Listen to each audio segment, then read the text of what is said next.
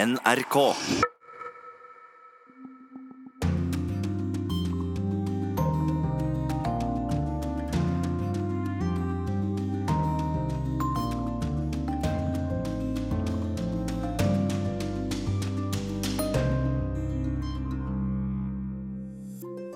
Supertyfonen Mangkut har truffet Filippinene med full kraft, og i Nord-Carolina i USA er det tre meter stormflo seks mil fra kysten pga. ekstremværet Florence. Han ryddet opp kroppsdeler etter terrorangrepene på Londons T-bane i 2005. Da bestemte Martin Scalper seg for å bli med i islamkritiske English Defence League. Svært spent i Øst-Ukraina etter at separatistlederen i Danetsk ble drept i et attentat. Og i dag er det ti år siden investeringsbanken Lehman Brothers gikk konkurs. Var det finanskrisen som egentlig ga oss Donald Trump, spør Tove Bjørgaas i ukas utgave av podkasten Krig og fred. Vel møtt til Urix på lørdag, jeg heter Wenche Eriksen. Korrespondentbrevet denne uken kommer fra Kjersti Strømmen i Beijing, og hun har hatt litt av hvert å stri med, skal vi få høre. Det er ekstremvær som topper sendingen vår i dag. Tyfonen Mangkut på Filippinene og stormen Florence på østkysten av USA. Og kollega Halvard Sandberg, du har fulgt disse to stormene tett i flere dager. Hvis vi skal ta Mangkut først. Den traff den nordøstlige delen av Filippinene med voldsom kraft i natt. Hvordan har det gått? Det ser ut til å ha gått relativt bra. Nå må jeg si relativt bra, for vi har ikke fått inn rapporter fra hele den nordlige delen av Luzon, hvor da selve øyet på orkanen gikk inn. Det er dessverre noen som har omkommet. Det kommer eh, meldinger om oversvømmelser, en sterk stormflo og jordskred, jordras. Men eh, det ser ut til at dette har gått bra. Er faren helt over nå? På Filippinene så er nok faren helt over. Eh, det kan komme noen eh, jordras i etterkant, men eh, nå er da øynene, som Kjersti nettopp sa, rettet mot Kina. Den er på vei da mot Guangdong-provinsen og vil treffe land omtrent tolv norsk tid i morgen, altså om et vel et døgn, vil den treffe land hvis den holder denne kursen. Og det ser ut som at Hongkong har blitt spart denne gangen. Så til Florence i USA. Den er ikke lenger en orkan, men er nedgradert til en tropisk storm. Og der er det vel først og fremst eh, vannet som skaper problemet, og da først og fremst i delstaten Nord-Carolina. Det er vannet som skaper eh, det store problemet der, og der vet vi ikke hvordan det har gått ennå. Den situasjonen kan bli mer alvorlig. Selve eh, trykket fra vindene var eh, lite. Det er litt få skader fra vindene. Men eh, jeg ser på alle serier av data som kommer om vannstanden. Alt øker. Og noen steder er det allerede ekstremflom. Så dette er noe som kommer til å vedvare i flere dager. På sosiale medier har vi og andre fått kritikk for at vi snakker så mye om disse stormene og orkanene i USA, og så lite om ekstremvær andre steder i verden. Har du noen tanker om det? Ja, jeg har merket dette selv ganske godt den siste uken. Ja, det er sånn. Vi gjør det. Eh, det er to forklaringer på det. Det ene er at eh, disse værsystemene og naturkatastrofen, ekstremværene som skjer i USA. Du får jo så mye data om det, og vi får så mye video, slik at det flommer over. Det er så lett å rapportere mye om det, og, og ikke om det som skjer fjerne strøk. Og så er den andre forklaringen det er det at disse ekstremværene i USA har politiske konsekvenser, og alvorlige politiske konsekvenser. Og det har vi sett flere ganger. Så det er interessant fra det synspunktet også, og ikke bare fra, som en naturhendelse. Takk så langt, Halvard Sandberg. Og akkurat det du nevnte nå, er det vi skal høre om videre. Fordi også orkanen Maria, som traff den amerikanske øygruppen Puerto Rico for ett år siden, skaper store overskrifter i USA. For president Donald Trump benekter at stormen krevde nesten 3000 menneskeliv. Selv om det er det offisielle tallet som hans egen administrasjon går god for. Når naturkatastrofer treffer, ser amerikanere til sin president. Men ikke alle har vist seg tilliten verdig, forteller Joar Ho Larsen. Han var USA-korrespondent da orkanen Katrina rammet New Orleans og områdene rundt i 2005. Det var helt stille. Været var vidunderlig vakkert, solen skinte og himmelen var blå. To dager etter Katrinas landfall sto jeg på en forlokkende strand i Biloxi, Mississippi og intervjuet en mann som faktisk hadde mistet alt. Da denne lånte idyllen plutselig ble brutt av flydur. Air Force One med president George W. Bush var på vei tilbake til Washington DC etter fire ukers ferie hjemme i Texas. Boeing-maskinen fløy lavt for at presidenten skulle få, bokstavelig talt, et overblikk over situasjonen. Kommentatorene var ikke nådige. De mente at han burde ha landet og vist medfølelse. Presidenten selv begrunnet overflyvningen med at hjelpearbeidet måtte prioriteres, han selv ville bare ha gått i veien. Men det skulle gå ytterligere to uker før han dukket opp i New Orleans. Good evening. I'm speaking to you from the city of New Orleans, nearly empty, still partly underwater. George W. Bush har i ettertid innrømmet at han kunne ha taklet katastrofen bedre. Ikke minst fordi selve beredskapen og hjelpeapparatet også sviktet da det gjaldt som mest. Og det er presidenten som er ansvarlig. Han mener selv at det var der nedturen begynte. Hans far, George Herbert Walker Bush, var heller ikke helt heldig. Da Andrew traff Miami i 1992, var George Bush, the father altså, ikke bare på etterskudd. Mange hevder at han heller ikke var oppdatert. Helt utilgivelig for en president i satellittenes tidsalder. Som en kommentator sa den gangen, Where the hell is the cavalry? In America's Midwest, incredible devastation marks the path of the floods. For det er ingen tvil. Alle USAs presidenter har opplevd store katastrofer, og kavaleriet har alltid kommet de nødlidende til unnsetning, etter hvert i betydningen hjelpemannskaper fra egne direktorater. Men TV-bildene har de siste 40 årene brakt dramatikken og lidelsene live inn i stuer i stater som ikke rammes. TV-reporterne er til stede i blesten, de lener seg mot vinden, holder seg fast i palmetrær og rekkverk, mens regnet pisker dem i ansiktet og meterhøye bølger slår over moloen i bakgrunnen, mens de på sitt vis roper Where the hell is the cavalry? Da spiller det ingen rolle om the commander in chief er republikaner eller demokrat. Katastrofebistanden er fargeløs og partiuavhengig, hvilket New Jerseys republikanske guvernør Chris Christie ga uttrykk for da han takket og skamroste president Obamas innsats seks dager før presidentvalget i 2012. Is, I don't care. Like I told you all the other day, I don't care. Amerikanerne vil ha en president som har is i magen og omsorg i blikket når det stormer som verst, så vel meteorologisk som politisk.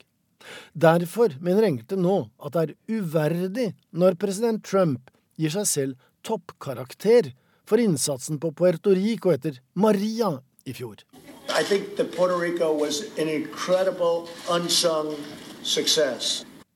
Det er forskjellige fortolkninger, men uansett, alt gikk ikke på skinner, og hjelpen kom ikke frem med en gang i fjor. Kanskje er amerikanernes tillit til presidentens makt overdreven, men kanskje kunne president Trump, i stedet for å krangle med ofrene, også utvist noe større empati enn han gjorde da han forsøkte å forklare velgerne om farene som truer når orkanen kommer. It's tremendous amounts of water. It's tremendously big and tremendously wet. You are not Hungary. You are the government of Hungary and the leader of a political party. And Hungary is far more and far more eternal than you are.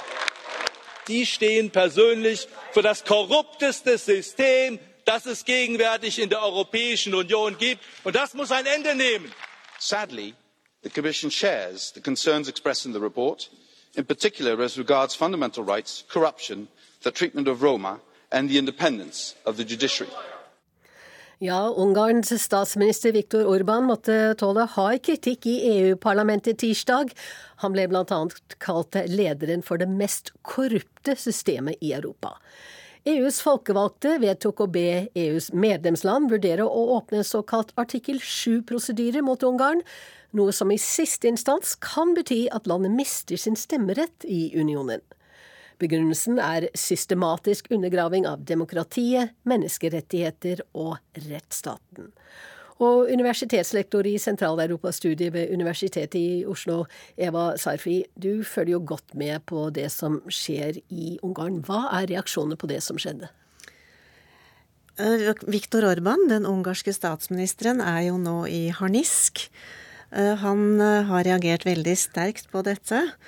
Men han bruker jo da også sin vanlige retorikk, særlig da i forhold til befolkningen sin. Det første han sier, det er at denne rapporten og dette tiltaket som nå er fattet, det dreier seg ikke først og fremst om demokrati, men dette er en straff fordi Ungarn ikke vil ta imot migranter. Så han sier at dette er noe helt annet enn det det egentlig ser ut til.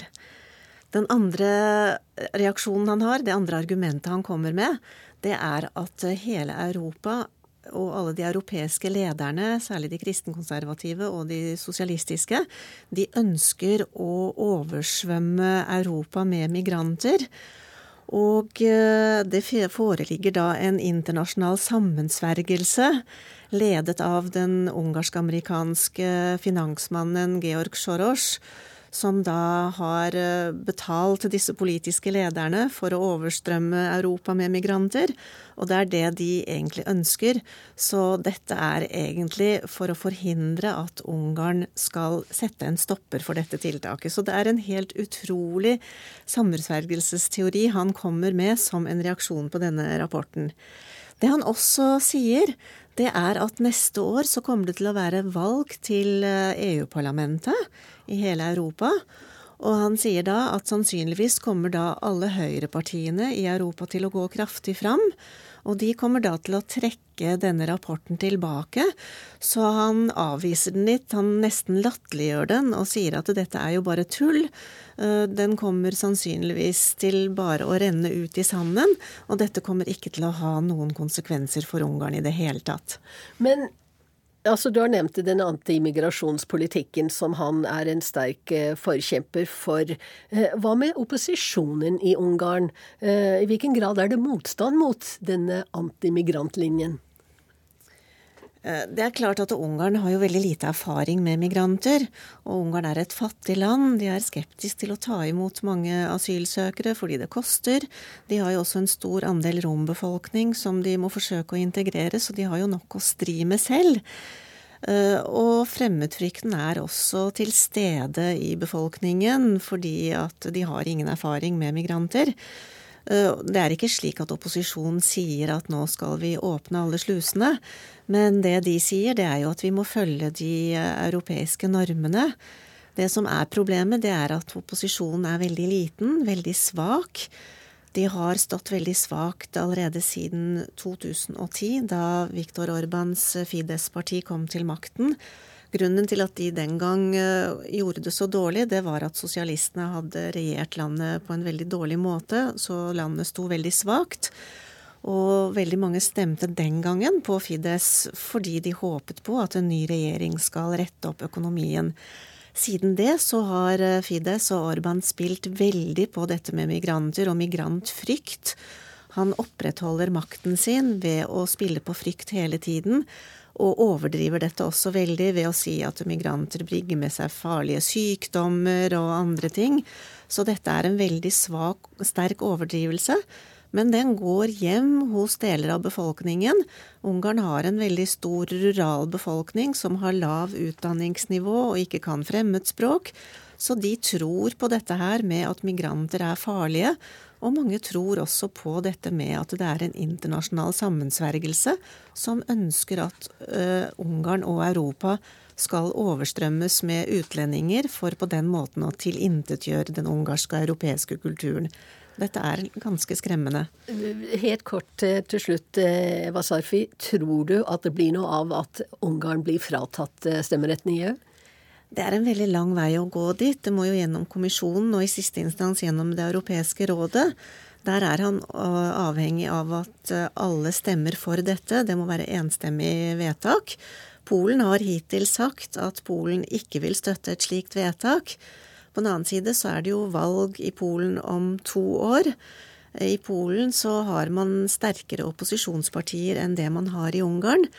Selv om mm, opposisjonen ikke står så veldig sterkt nå, men de har tidligere sittet ved makten, og man kan ikke vite hva som skjer i Polen om to år. Det kan komme til et regjeringsskifte der, og da blir situasjonen i EU en annen. Takk skal du ha, Eva Serfi.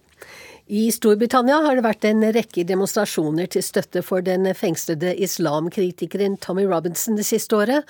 Robinson startet den anti-islamske bevegelsen English Defence League for snart ti år siden, og vår korrespondent Øyvind Nyborg har møtt en av dem som har vært med siden starten. En kortklipt demonstrant i grå dress leder an i sangen om Tommy Robinson, som har en høy stjerne blant tilhengerne av English Defence League.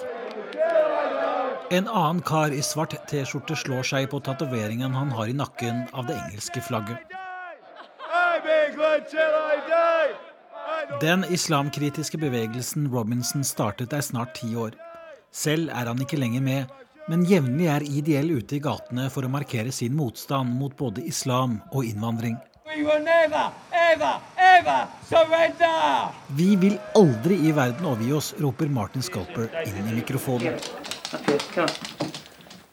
Vi møter ham hjemme i Lancaster, der han bor sammen med kona Nadia og tre barn. Han viser fram en bunke gamle avisutklipp. Yeah. It's, um, all about the bombs on London Underground 77 Dette er alt om bombingen 7.07.2005, sier han. It's where I was. Da selvmordsbomberne slo til mot tre T-banestasjoner i London i 2005, var han blant redningsarbeiderne. 52 mennesker ble drept. Martins jobb var å rydde opp etter terrorangrepet. Plukke kroppsdeler fra T-banevognene inne i tunnelene. Bodies basically had to be removed. What I saw will carry on to me det jeg så, vil plage meg resten av livet, sier han. Den ekstreme islamistiske gruppen Al Qaida tok på seg skylden for angrepet. Martin bestemte seg for å bli med i English Defence League.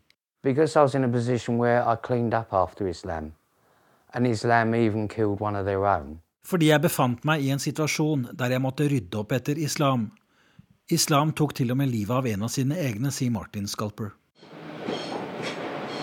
Et tog ruller inn på stasjonen i Worcester. Martin og kona Nadia er på vei til en demonstrasjon mot byggingen av en moské i byen. Demonstrasjonen er i gang. Men hele veien gjennom den vesle byen har folk møtt opp for å vise sin motstand. Bak et stort banner med et antifascistisk slagord går også flere hundre motdemonstranter gjennom byen denne dagen. Jeg er her for å vise min motstand mot fascisme. Det er synd at det engelske klassesystemet har ført til at noen marsjerer i gatene på denne måten, sier George Mackay. IDL samlet opptil 3000 tilhengere til demonstrasjoner da de var på sitt aller største. Mange titalls tusen støtter dem på Facebook. De hadde også erklærte fascister og nynazister med i sine rekker. IDL-medlemmer hadde også kontakt med terroristen Anders Behring Breivik, noe Breivik selv skrøt av. Grunnlegger Tommy Robinson sluttet, og bevegelsen skrumpet inn. Vi er verken rasister eller fascister. Vi er imot en ideologi. Vi er heller ikke islamofober. Den beskyldningen kommer bare fordi de ikke liker å bli motsagt. Vi kjemper mot islam av den ekstreme utgaven, sier Martin. Hjemme i sofaen viser han fram en diplom for innsatsen etter terrorangrepene i London i 2005. Men den ble en mager trøst. For Martin klarte ikke å legge fra seg det han hadde opplevd, og tok til flaska. Han mistet hus og hjem.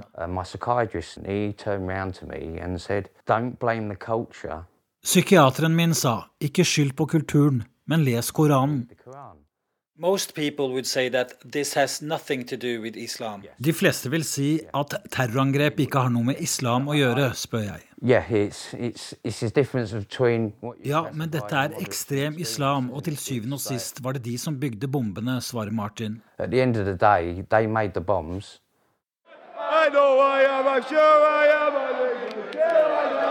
IDL er en islam- og innvandringskritisk bevegelse. Mange er for Trump, og de fleste er for brexit. Det de har felles, er at de opplever at tradisjonelle engelske arbeiderstrøk endrer seg på en måte de ikke liker.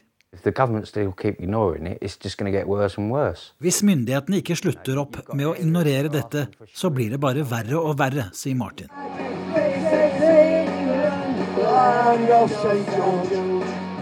Demonstrasjonen i Worcester er over. Det er på tide å gå hjem.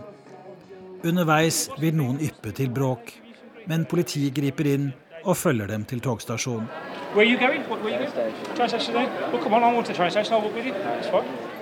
Allerede neste måned venter en ny demonstrasjon for Martin Scalper og IDL.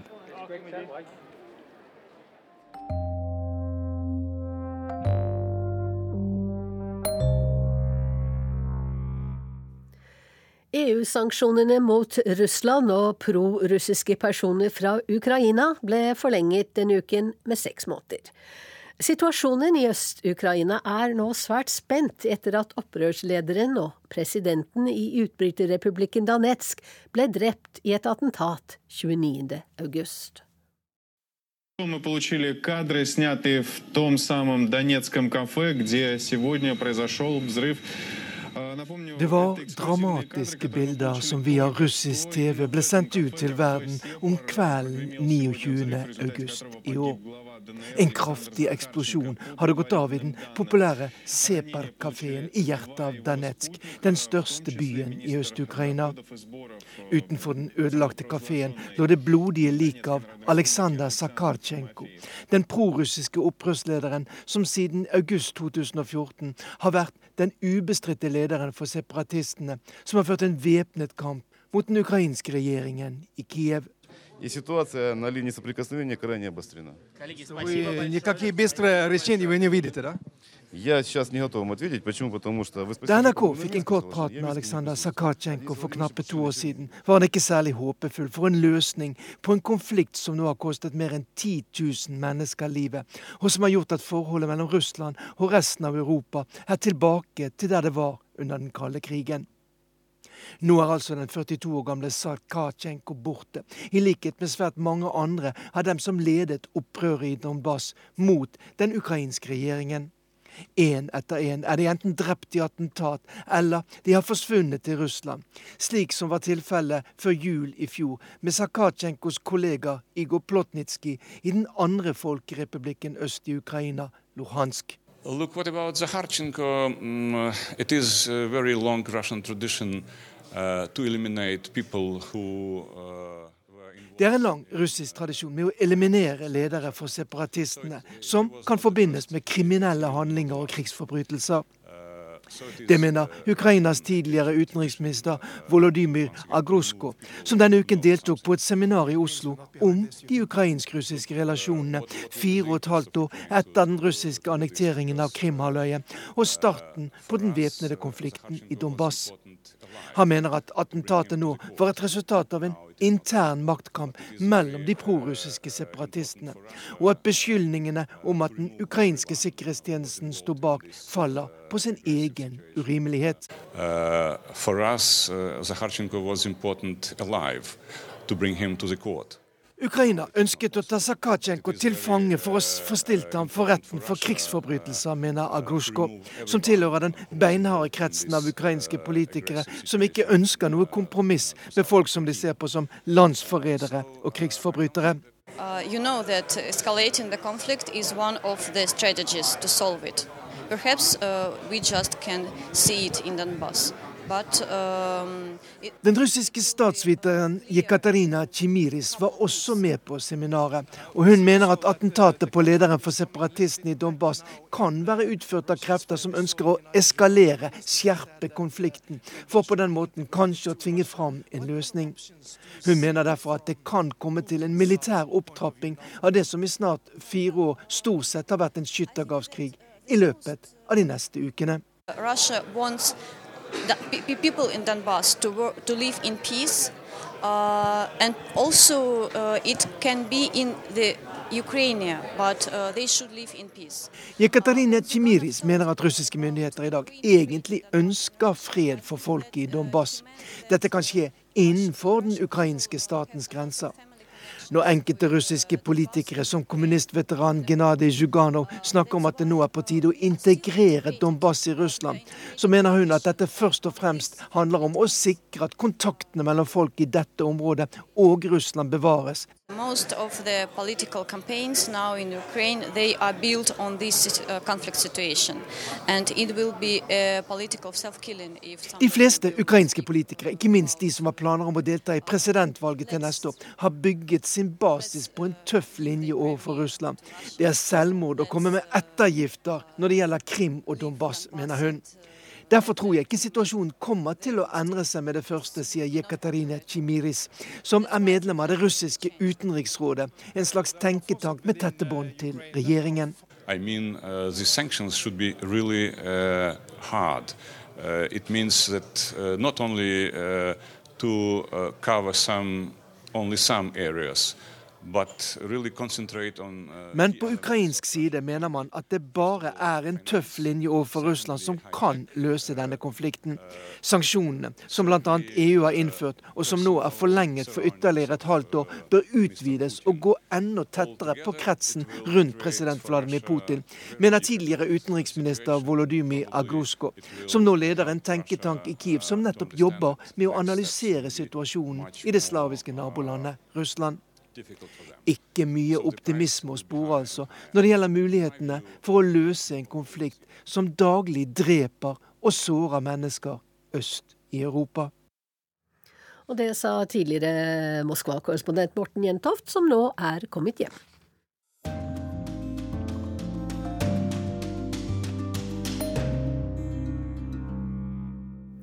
Det er tid for ukens korrespondentbrev.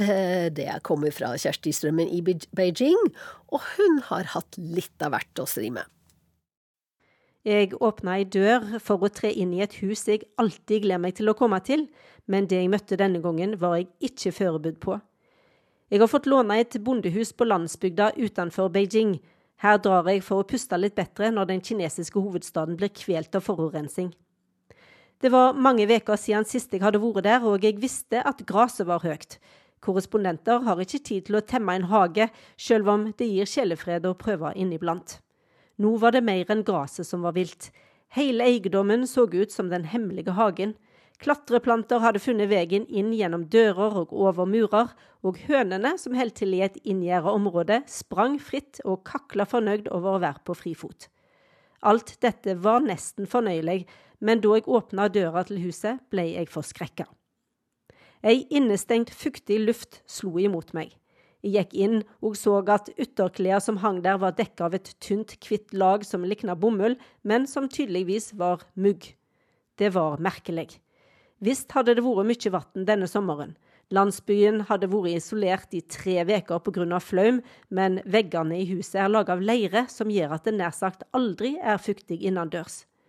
Ved nærmere ettersyn var madrassen gjennomvåt, og fukta hadde spreid seg oppunder taket. Jeg tok nesten til tårene, fortvila, men også sinna. Jeg betaler nemlig noen for å se til eiendommen. Hva hadde skjedd? Jeg gikk inn på det enkle badet, som har malte vegger og derfor er mer utsatt. Der flassa malinga av veggen pga. fukt. Jeg prøvde å skure toalettet, som hadde fått store, mørke flekker, men det gikk ikke bort. Da jeg åpna den siste døra til et uthus vi bruker til gjesterom, var det første jeg så ei død mus som tydeligvis hadde ligget der lenge. Her var den samme innestengte lufta enda sterkere. Jeg åpna alle vinduer og dører på vid gap, så ringte jeg den lokale kvinna jeg betaler hver måned for å se til huset. Hun var raskt på plass, ønsket meg velkommen tilbake og var som vanlig blid og imøtekommende. Jeg sa jeg trengte å vite hva hun mener at jeg betaler henne for. Hun sa at det var jo fordi hun skulle mate hønene og ellers se til at alt er i orden. Ja, akkurat. Hønene hadde fått mat, det skal hun ha, men hvordan kunne det ha seg at huset var full av fukt? Jo, hun hadde sendt meg et bilde på appen WeChat i løpet av sommeren over noe som kunne være en lekkasje i huset, men som kanskje ikke var det heller.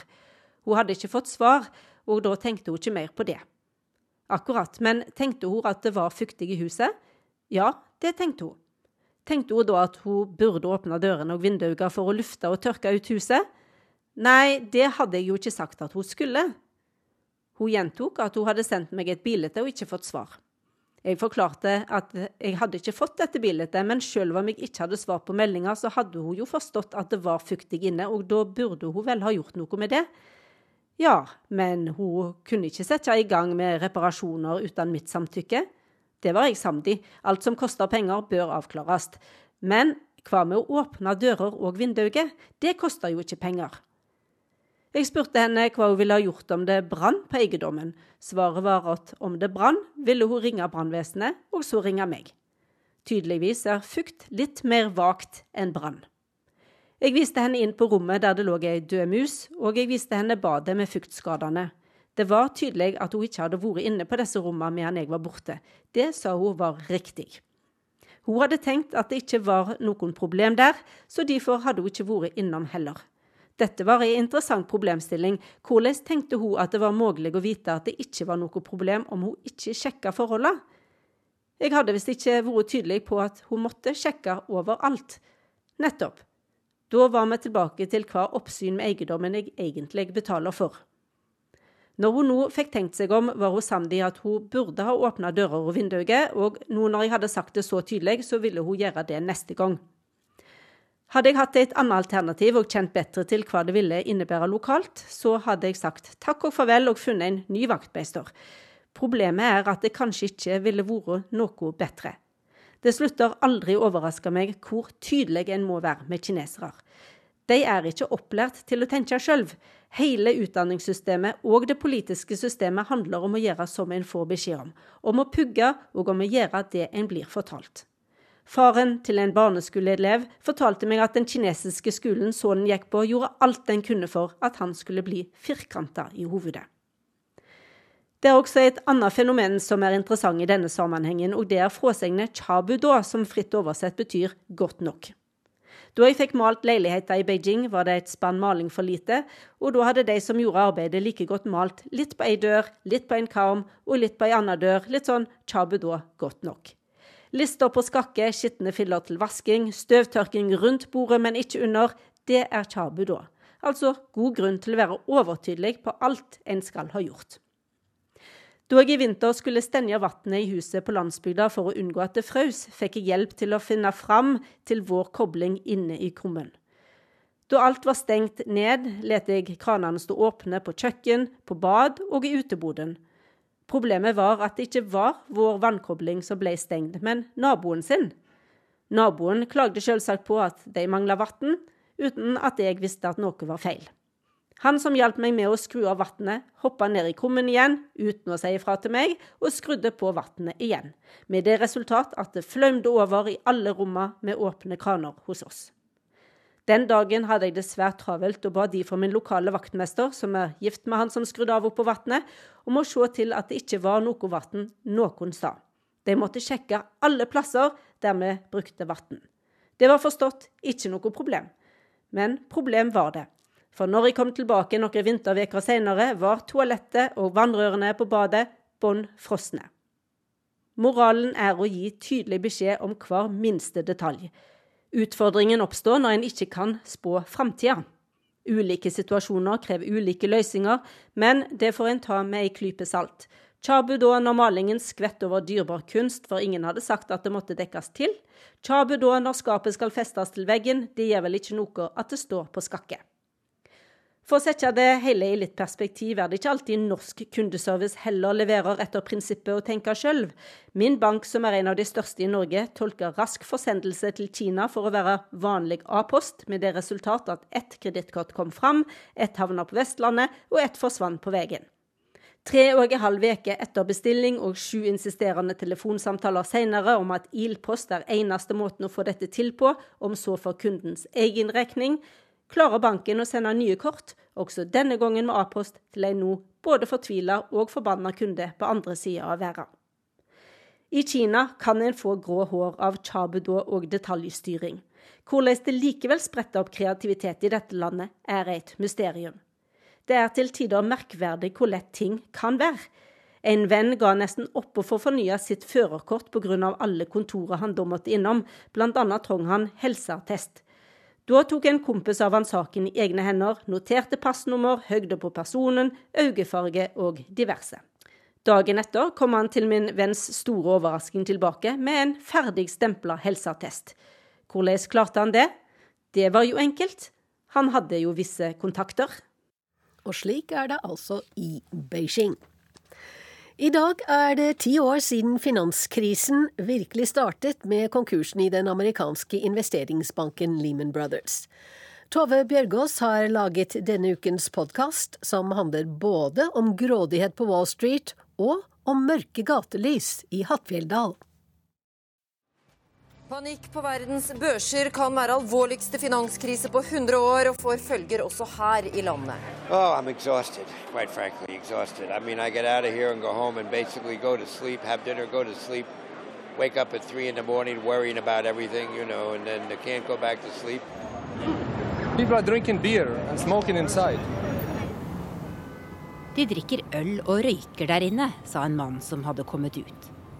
For de hadde ikke lenger noe å tape, de som ikke lenger hadde jobb i en av verdens største investeringsbanker. Jeg sto på den andre siden av gata og så meglere komme ut bærende på pappesker fra kontorene sine. Det var 15.9.2008. Tidenes blåmandag i verdens finanshovedstad. Men var det denne dagen som egentlig ga oss politisk polarisering og Donald Trump? Krig og fred. En podkast fra NRK Urix. Sjeføkonom Knut Anton Mork, den tidligere sentralbanksjefen Alan Greenspan sammenligner dette med krakk i 1929. Blir følgene også så alvorlige? Eh, vi fikk eh, en kraftig depresjon den gangen, og det ble gjort mange feil eh, under behandlinga av den situasjonen, bl.a. av hans forgjengere i sentralbanken Federal Reserve. Knut Anton Mork, hvordan minnes du 15.9.2008? Eh, det var jo kulminasjonen på ganske mye spenning, og det virka ganske uvirkelig eh, at det faktisk kunne skje. Men eh, på den andre sida så følte jeg vel at endelig kom ting på overflaten. At vi fikk se hvor dramatisk det egentlig var. Du var jo sjeføkonom i Handelsbanken ja, på den tida. Hvordan, hvordan føles det å sitte i en sånn jobb når på en måte systemet vakler?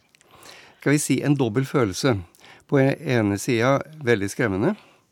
Uh, og jeg fikk se ting som jeg aldri trodde jeg skulle få oppleve. F.eks. at de som satt på uh, pengemarkedet uh, som meglere bare noen skritt unna meg, de satt passive hele dagen, for det var ingen som lånte inn eller ut penger i pengemarkedet. Det var helt rart. På den andre sida så var det jo på det faglige plan også veldig spennende å få faktisk se dramatikk utspille seg, sånn som vi hadde lest om og lært om at det hadde gjort en gang 80 år tidligere. Var du skremt? Ja, eh, selvfølgelig var jeg det. Så var det altså den doble følelsen at dette var veldig interessant. Eh, det var, jeg opplevde det litt lignende som kanskje en eh, lege opplever når han eller hun møter en veldig sjelden sykdom og får behandle den, og får bruke alt det siste. Og jeg lærte jo fryktelig mye nytt i denne perioden. En ting var at vi kunne se på det som hadde skjedd 80 år tidligere, men det var veldig mange ting som var nye, nyutvikla, ny finansiell teknologi som var kommet i mellomtida. Men vi kunne anvende ikke bare det som hadde skjedd 80 år tidligere på 30-tallet, men også mye av det som hadde skjedd i Japan eh, bare eh, ca. et tiår tidligere. Så vi var ikke helt uforberedt, men det var veldig mye nytt og veldig mye å lære. Når du ser tilbake, nå har det gått ti år eh, siden det begynte, hvem er det som har vunnet, og hvem er det som har tapt på dette? Når du spør om det, så tenker jeg på en artikkel som sto eh, i dag i New York Times eh, om noe av det som eh, er tapt mest. Det er tillit eh, til det som da noen kaller eliten. Det som andre kaller eh, baronene på Wall Street. Eh, de som fortalte alle at alt var vel, de hadde en sentralbanksjef uh, før dette kom til det verste, som het Alan Greenspan, som uh, fortalte bekymrede politikere at aldri hadde risikoen vært så liten som da, fordi vi hadde fått alle mulige markeder til sikring mot risiko. Og så gikk det ikke slik. Det viste seg at jo, risikoen var spredt. Det var helt riktig, det.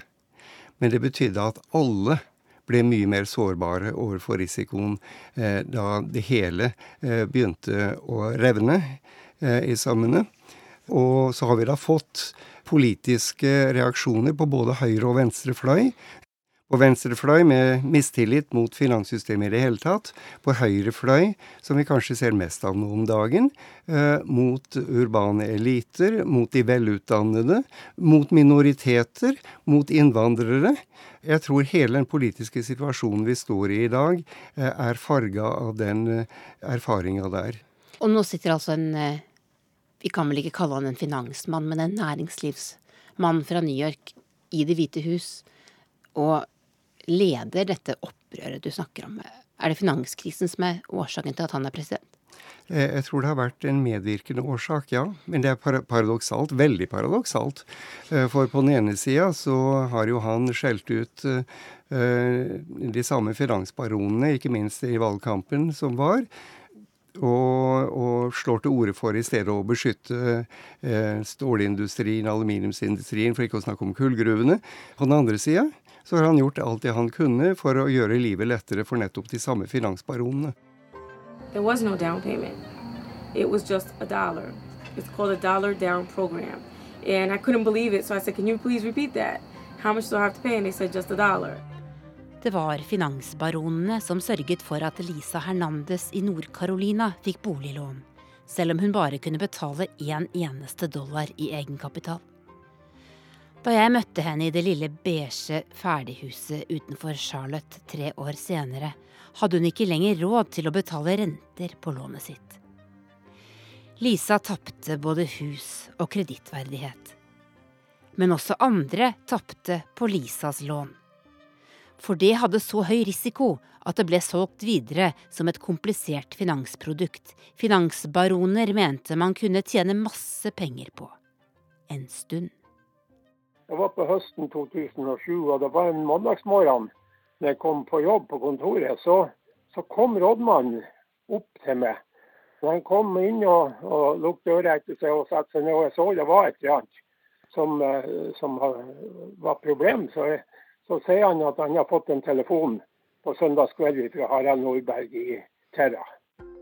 Mitt navn er Asgeir Almås. Jeg er da eh, kommunepolitiker i Hattfjord kommune og var ordfører fra 1999 til 2015. Og eh, kort fortalt så gikk det jo ut på at de der produktene vi var i, har falt så i verdi at eh, vi måtte inn med 25 eh, millioner i garantipenger for å hindre at de ble tvangssolgt. 25 millioner kroner, hvor mye er det i Hattfjelldal kommune? Ja, altså, Da var jo budsjettet, et årsbudsjett i Hattland var jo da på ca. 100 millioner. Tilfeldigvis så hadde vi et fond, eller noen fond stående som, som vi, vi, klarte å, å, å skrape i hop og stille denne sikkerheten. Og vi fikk jo forsikring om at det her var jo bare en midlertidig sak. Det var noe, en, en, en, sånn overreaksjon i finansverden som kom til å gå seg til, og vi vil få igjen de pengene ganske fort. 2008, da gikk jo den store banken Lehman Brothers i New York konkurs.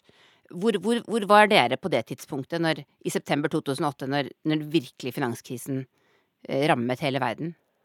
Ja, nei, altså vi, vi, vi måtte jo regnskapsføre et, et, stort underskudd for 2007. For at Vi hadde jo finansiert det her med Det var jo DNB som har gitt oss ulovlige lån på over 100 millioner, 103 millioner for Hatteland. Og produktene ble tvangssolgt til slutt av Citibank.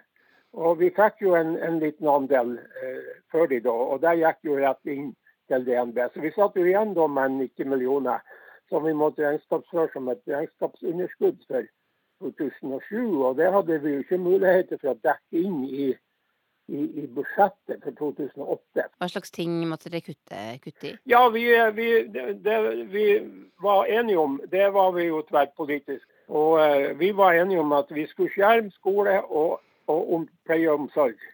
Så langt som det overhodet gikk an. Og så skulle vi ta da eh, nedskjæringene på andre områder. Så det som, det som eh, skjedde, var jo at eh, for det første så ble nå hele kulturetaten stort sett radert bort. Eh, vi gjorde en, en liten strukturendring på, på skole med at for Vi har hatt en ordning før at de som kom over på, på ungdomsskolen, de gikk første året hjemme på grendeskolene før de kom til sentrum. Det ble forandra sånn at det ble sentralisert. Så ble det jo selvfølgelig skåret ned på brøytebudsjett alle stedene. Alle gatelys ble slukt. Det var det ble helt tatt sett på lavbluss. Alt som gikk an å sette på lavbluss.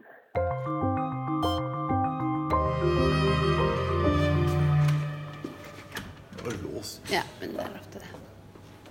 Kanskje Er det? det møterommet her ferdig? Ja. ja. Da kan jeg bare Vi skal bare låne det. I andre etasje hos NHO på Majorstua tar Øystein Dørum meg med inn på et møterom. Da Lehman Brothers gikk konkurs for ti år siden, var han sjeføkonom i DNB og hadde tatt imot en strøm av dårlige nyheter de siste månedene. Men 15.9.2008 var ikke den verste dagen for Norges største bank.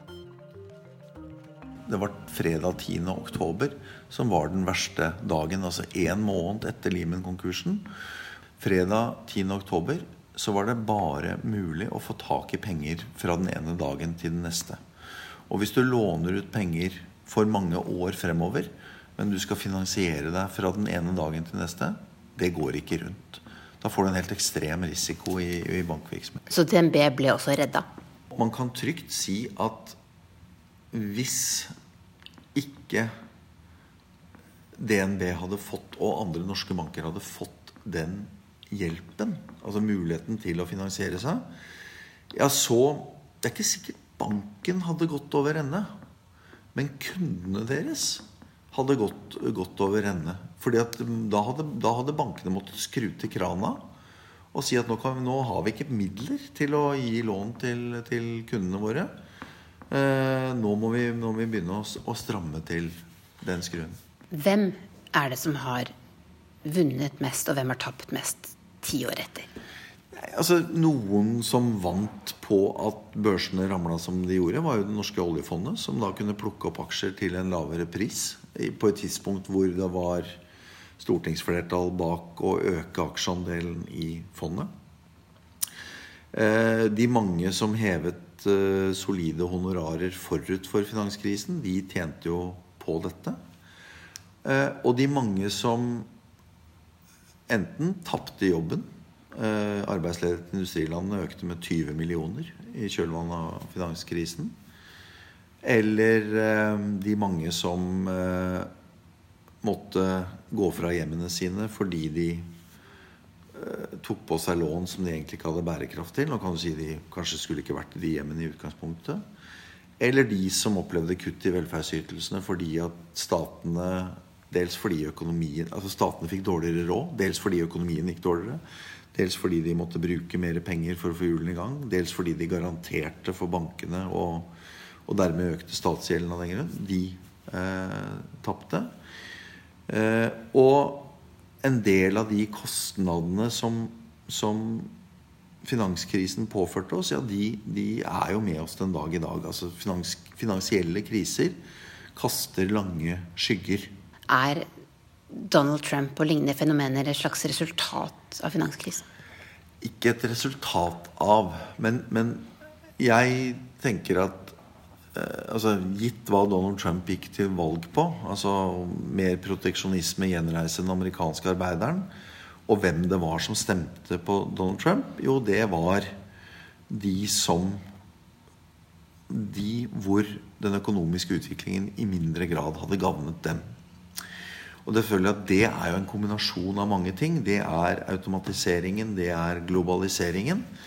Eh, men der og i Europa så så er, jo, så er jo lav jobbvekst, lav inntektsvekst, eh, kutt i velferdsytelser, er jo faktorer som nører opp under det samme, samme bildet.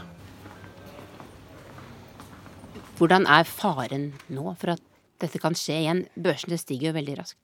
Uh, faren er at vi ikke helt vet uh, hvor vi er, og vi ikke helt vet hvor risikoen ligger. Vi har fått noen uh, signaler i det siste, og det er i de fram, framvoksende markedene. Og der er det minner ikke fra ti år tilbake, men fra 20 år tilbake, under den asiatiske finanskrisa. Der da en del land og næringsliv i de landene hadde tatt tatt opp lån i utenlandsk valuta, gjerne dollar. Eh, og så eh, bredte frykten seg, og så kom mistilliten, og så falt de, deres egne valutaer, og da ble gjeldsbyrden i dollar veldig tung å bære. Det samme skjer, vi, ser vi skjer igjen nå i Tyrkia, i Brasil, Argentina, Sør-Afrika. Eh, og dette skjer nok litt som et eh, ja, skal jeg si, delvis resultat av at den amerikanske sentralbanken, Federal Reserve, forsiktig har begynt å sette opp dollarrentene for å normalisere dem litt grann, nå ti år etter den store krisa. Uh, og det vi da ser, er at de som har satt penger i, uh, i å låne dem ut til uh, slike utviklingsland, som vi kalte dem før i tida, de finner nå at det er mer lønnsomt å ta pengene tilbake i dollar. Eh, og når det skjer, så begynner da frykten å spre seg for at det er mange som skal gå den veien. Så faller de valutaene, og så får vi da eh, en bøling som skal ut døra på samme tid. Selv om det går veldig bra med amerikansk økonomi nå, så er det vel noen som ikke har kommet seg helt opp igjen? Ja, jeg, jeg har lyst til å nyansere litt dette om at det går så veldig bra med amerikansk økonomi.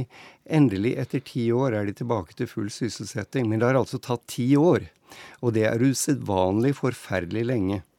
Uh, for det andre er lønningene De har ikke kommet tilbake. Kanskje aller siste måneden at de begynte å røre på seg, men det er altfor lite til å kunne snakke om så veldig mye.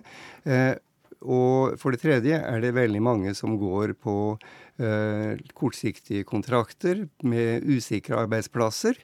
Eh, og som du sier, ulikhetene har økt, de har ikke minska. Eh, og dette har jo også da vært med på å, eh, å drive uviljen mot eh, innvandrere, som mange opplever at det er de som kommer og tar de gode jobbene fra dem.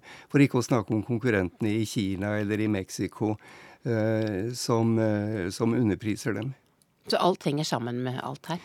Eh, veldig mange ting påvirker hverandre, og det er veldig vanskelig å eh, si at det er årsaken til det. Eh, men kanskje at virkningene er dypere og breiere enn vi tror i første omgang. Hemnes kommune i Nordland er en av sju kommuner som nå unngår rettssak mot storbanken DNB. Kommunene pådro seg store tap etter at de investerte millioner av kroner i finansmarkedet etter råd fra meglerfirmaet Terra Securities på begynnelsen av 2000-tallet.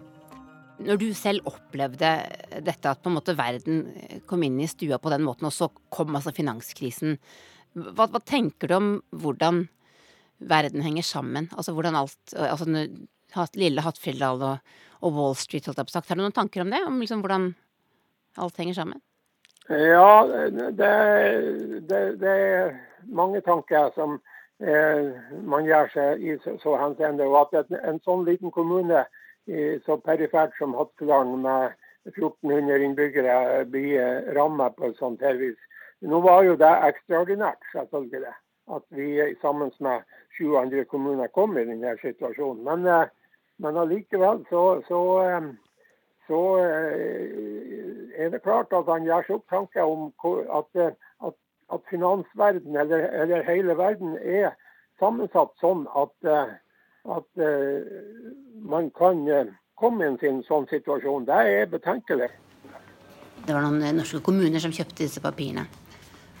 Forstår du at de gjorde det, eller var det litt ubetenksomme? De var ubetenksomme. Det vil jeg si uten tvil.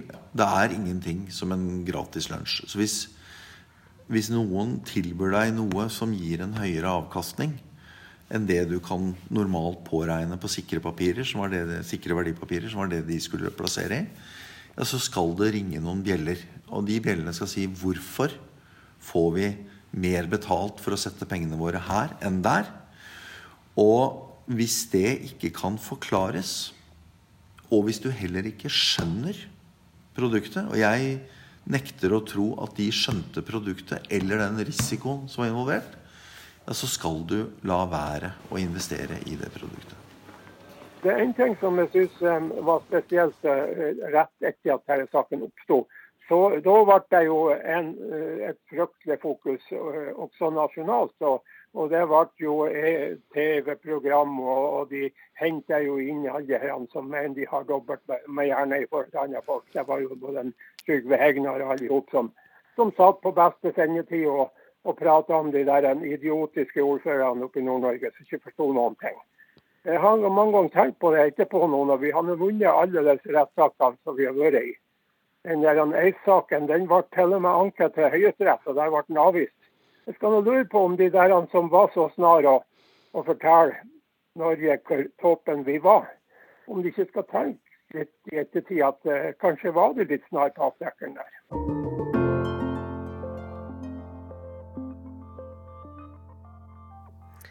Ti år siden finanskrisen startet, altså. Og dermed er vi kommet til veis ende i Urix på lørdag. Teknisk ansvarlig var Lisbeth Sellereite, produsent var Morten Røkeberg, og her i studio satt Wenche Eriksen. Vi sier takk for nå.